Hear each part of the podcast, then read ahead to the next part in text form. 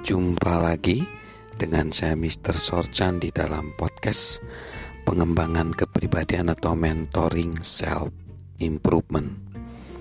Nah, dalam peningkatan kapasitas berpikir, yang pertama tadi memikirkan ide.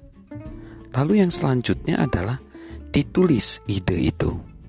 Nah, ide itu ditulis untuk memperjelas pemikiran kita.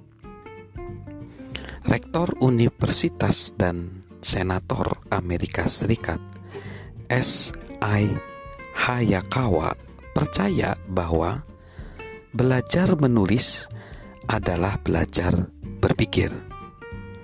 Anda tidak tahu apa pun dengan jelas kecuali Anda bisa menyampaikannya dalam tulisan. Jadi, kita perlu menulis untuk membuat kita berpikir dengan baik. Aktivitas menulis itu memaksa kita mengartikulasikan dan memvisualisasikan pikiran kita. Bukan berarti menulis itu mudah. Novelis pemenang hadiah Nobel Ernest Hemingway terkenal dengan perkataannya yaitu draft pertama selalu buruk. Mungkin butuh beberapa kali mencoba untuk menulis sesuatu yang koheren. Tapi percayalah, walaupun di awal-awal menulis itu sulit, menulis gagasan kita gak akan sia-sia kok. Lalu yang selanjutnya, temukan tempat menyimpan ide. Jadi disimpan pemikiran kita ini. Tahukah kita hal yang paling banyak membuang-buang waktu? Yaitu mencari hal-hal yang hilang.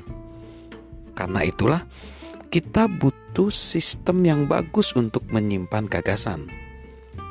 Dan inilah alasan target pertama kita ketika mendapat ide bagus adalah tidak kehilangannya. Baik itu bisa menggunakan komputer, notes, buku catatan, atau telepon genggam. Simpanlah ide itu sehingga kita bisa menemukannya kembali. Jadi, hal itu dapat mendorong kita untuk menentukan tempat untuk mencari ide. Kita perlu mengkondisikan diri untuk berpikir di tempat-tempat tertentu. Tidak peduli di mana tempatnya. Tentukan saja tempatnya dan luangkan waktu di sana. Ide bagus akan muncul ketika kita punya tempat tertentu untuk sesuatu, apa pun itu, kita akan merasa bahwa ini harus dipenuhi. Kita juga akan mendapati diri kita melakukan apa pun yang diperlukan untuk memenuhinya. Ini juga berlaku untuk ide kita.